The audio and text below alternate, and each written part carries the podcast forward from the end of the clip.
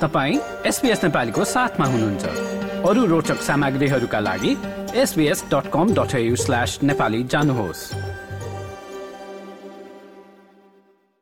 श्रोताबिन्द अब भने अस्ट्रेलियामा सक्रिय नेपाली पत्रकारहरूको संस्था अस्ट्रेलियन नेप्लिज जर्नलिस्ट एसोसिएसन एन्जाको दोस्रो साधारण सभा मार्फत नयाँ कार्यसमिति चयन भएको छ। चिरञ्जीवी राज देवकोटाको अध्यक्षतामा चुनिएको नयाँ नेतृत्वले प्रवासमा बसेर गरिने पत्रकारितालाई सशक्तिकरण गर्ने र समुदायसँग सहकार्यलाई बढाउने बताएको छ। संस्थाका नवनिर्वाचित अध्यक्षले भाइरलकारिता र पत्रकारिता बीचको फरक छुट्याएर नयाँ रेखा कोर्ने सहकर्मी आवास पराजुलीसँग बताएका छन्।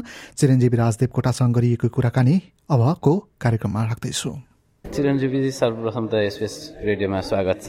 बधाई पनि है कि अब तपाईँ एन्जाको तेस्रो अध्यक्ष बन्नु बन्नुभएको छ निर्वाचित नवनिर्वाचित होइन? कस्तो लागिरहेछ मलाई खुसी एकदमै लागेको छ र त्यसमाथि पनि अहिले हामी यो होबार्ट सिटीमा छौँ र होबार्ट सिटीमा आउँदाखेरि चाहिँ मोर नेपालमै भएको जस्तो फिल हुँदो रहेछ कि। यो पहिला पनि हुन्थ्यो यसपटक मोर त्यो सिटीले गर्दाखेरि पनि अलि अर्कै खाले भाइब छ। र सँगसँगै यहाँको मिनिस्टर आएर जसरी उहाँहरूले इन्करेज गर्नुभयो इभन हाम्रो एम्बेसडरले फर्स्ट भिजिटै हाम्रो कार्यक्रममा गरिदिनु भयो यी सबै चिजहरू यहाँको कम्युनिटीको वेलकम सँगसँगै हाम्रो टिमको साथीहरू जो हुनुहुन्छ नि उहाँहरूको त्यो डेडिकेसन हेर्नुहोस् आवासी तपाईँलाई पनि थाहा छ कि हामी यहाँ अस्ट्रेलियामा जर्नलिजम गरिरहँदाखेरि यो कम्युनिटी जर्नलिजम चाहिँ एज अ पार्ट टाइमर जस्तो गरिरहेका छौँ कि कि हाम्रो आफ्नो टाइमलाई त्यो भोलिन्टियरी काम जस्तो गरिरहेका छौँ। त्यति गर्दै गर्दाखेरि पनि यो उत्साह अमेजिङ खुसी लागेको छ। अनि अब तपाईँले आफ्नो कामको बारेमा त बताइहाल्नुभयो होइन। अब चुनौतीहरूको बारेमा कुरा गर्दाखेरि चाहिँ अब अघि पनि सरलजीले मेन्सन गर्नुभएको थियो आफ्नो नोटमा। अब धम्कीपूर्ण अब व्यवहारहरू पनि हुन्छ होइन। अब तपाईँहरू तपाईँले अहिले पनि भनिहाल्नुभयो कि म हामी भोलिन्टियर रूपमा ज्यादातर रूपमा काम गर्छौँ भनेर। अब एज अ अर्गनाइजेसनको लिडरको रूपमा चाहिँ तपाईँले के गर्ने सोच बनाउनु भएको छ होइन? यस्तो व्यवहारहरूप्रति र आगामी अरू चुनौतीहरू चाहिँ तपाईँले के देख्नु भएको छ? मैले चुनौती चाहिँ चुनौती नै चुनौतीका पहाड देखेको छु। तर म के विश्वास गर्छु भनेदेखि हामीले एज अ टिम एकताबद्ध भएर काम गऱ्यौँ भनेदेखि हामीले गर्न सक्छौँ। हामीले के गर्न सक्छौँ भनेदेखि हामीले बन्न चाहेको यो नेपाली कम्युनिटी जुन छ त्यसलाई सूचना र सञ्चारको माध्यमबाट जोड्न खोजेको हो। त्यसमा हामी अहिले पनि लागि नै राखेका छौँ।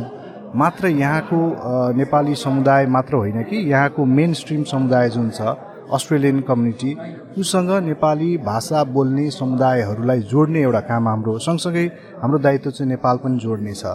चुनौतीको कुरा गर्नुपर्दाखेरि अघि मैले भने हाम्रो सबभन्दा ठुलो चुनौती भनेकै हाम्रो समय हो। हामीसँग सबैजना फुल टाइम काम गर्न सक्ने एउटा अवस्था सिर्जना गराउन हाम्रो पहल हुनेछ। त्यस्तो वातावरण बनोस् भन्ने हुनेछ। या गभर्मेन्ट एजेन्सीहरूसँग हामी काम गर्न चाहन्छौँ त्यो पार्टमा रहनेछ। तपाईँले अघि भन्नुभयो कि यो कानुनी कुराहरू जुन छन् यस्ताहरू आउँछन्। म एउटा कुरा चाहिँ के भन्छु भने हामी जहिले पनि पत्रकारिताको इथिक्समा रहेर सबैजना काम गर्नेछौँ त्यो प्रतिबद्धता भयो।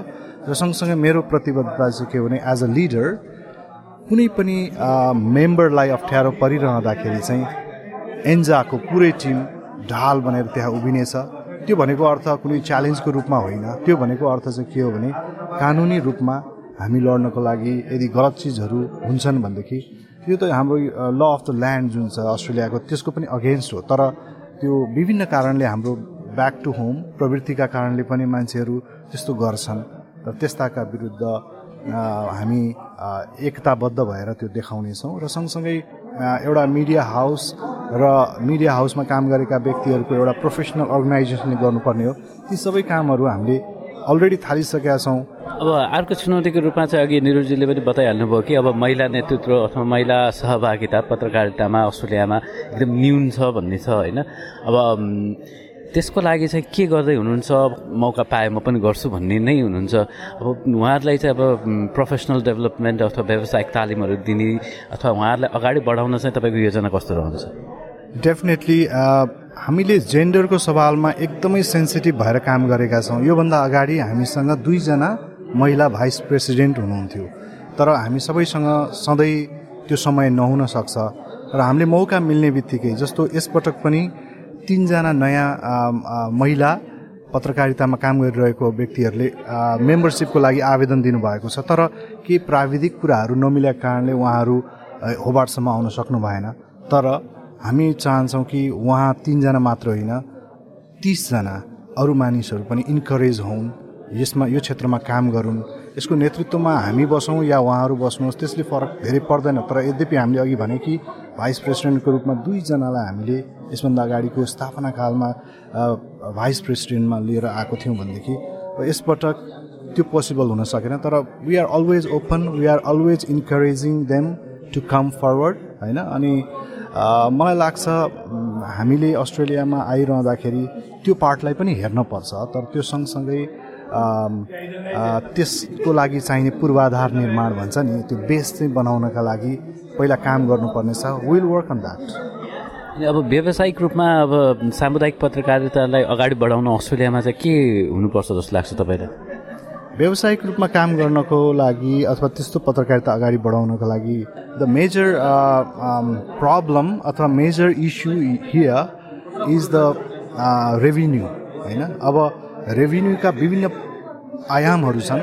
ती रेभिन्यूमा हामीले अलिकति काम गर्न सक्यौँ भने एडभर्टाइ एडभर्टिजमेन्टहरूमा काम गर्न सक्यौँ भने र सँगसँगै अघि मैले भनेको जस्तो यहाँका गभर्मेन्ट एजेन्सीहरू जसले नेपाली भाषामा नेपाल नेपालीहरूका लागि होइन इन्फर्मेसन डिस्ट्रिमिनेट गर्न चाहन्छन् उनीहरूसँग हामीले काम गर्न सक्यौँ भनेदेखि हामी अहिले जुन जति टिमहरू काम गरिरहेछौँ योभन्दा धेरै ठुलो टिमले चाहिँ सस्टेन गर्न सक्छ। तर हाम्रो त्यति मात्रै उद्देश्य होइन। सस्टेन हुनका लागि त अहिले जसरी हामी काम गरिरहेछौँ धेरै मिडिया आउटलेटहरू छन् जसले चाहिँ एकदमै राम्रो गरिराखेका छन्।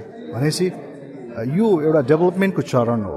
यसमा हामीहरू अहिले चाहिँ अलिकति मलाई लाग्छ कि हामी प्रोफेसनल जर्नलिजम र कम्युनिटी जर्नलिजमको बिचमा बसेर अलिअलि भोलिन्टियर जबका माध्यमबाट हामी प्रमोट गरिराखेका छौँ। तर कुनै दिन यस्तो आउनेछ जहाँ चाहिँ हामीले कम्प्लिटली म फुल टाइम यसैमा काम गरेर तपाईँलाई अलिकति जोड दिन्छु। मैले विगत सात वर्षदेखि यहाँको एउटा मिडिया आउटलेटमा फुल टाइम जर्नलिजम मात्रै पनि गरेर हेरेँ होइन?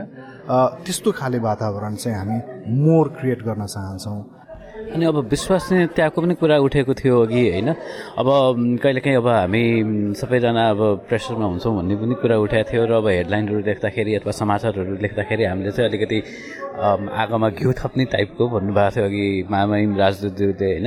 त्यस्तो समाचारहरू चाहिँ अब पाठकहरूले पनि श्रोता हाम्रो श्रोताहरूले पनि भन्नुहुन्छ बेला बेलामा फिडब्याक दिनुहुन्छ होइन? त्यसलाई न्यूनीकरण गर्न चाहिँ के गर्नुपर्छ जस्तो लाग्छ र तपाईँले चाहिँ एज अ एन्जाको प्रेसिडेन्ट के गर्नुहुन्छ? मलाई लाग्छ हामीहरूले दुईवटा कुरालाई छुट्याउनु फरक छुट्याउनु पर्छ के? पत्रकारिता र भाइरलकारिता।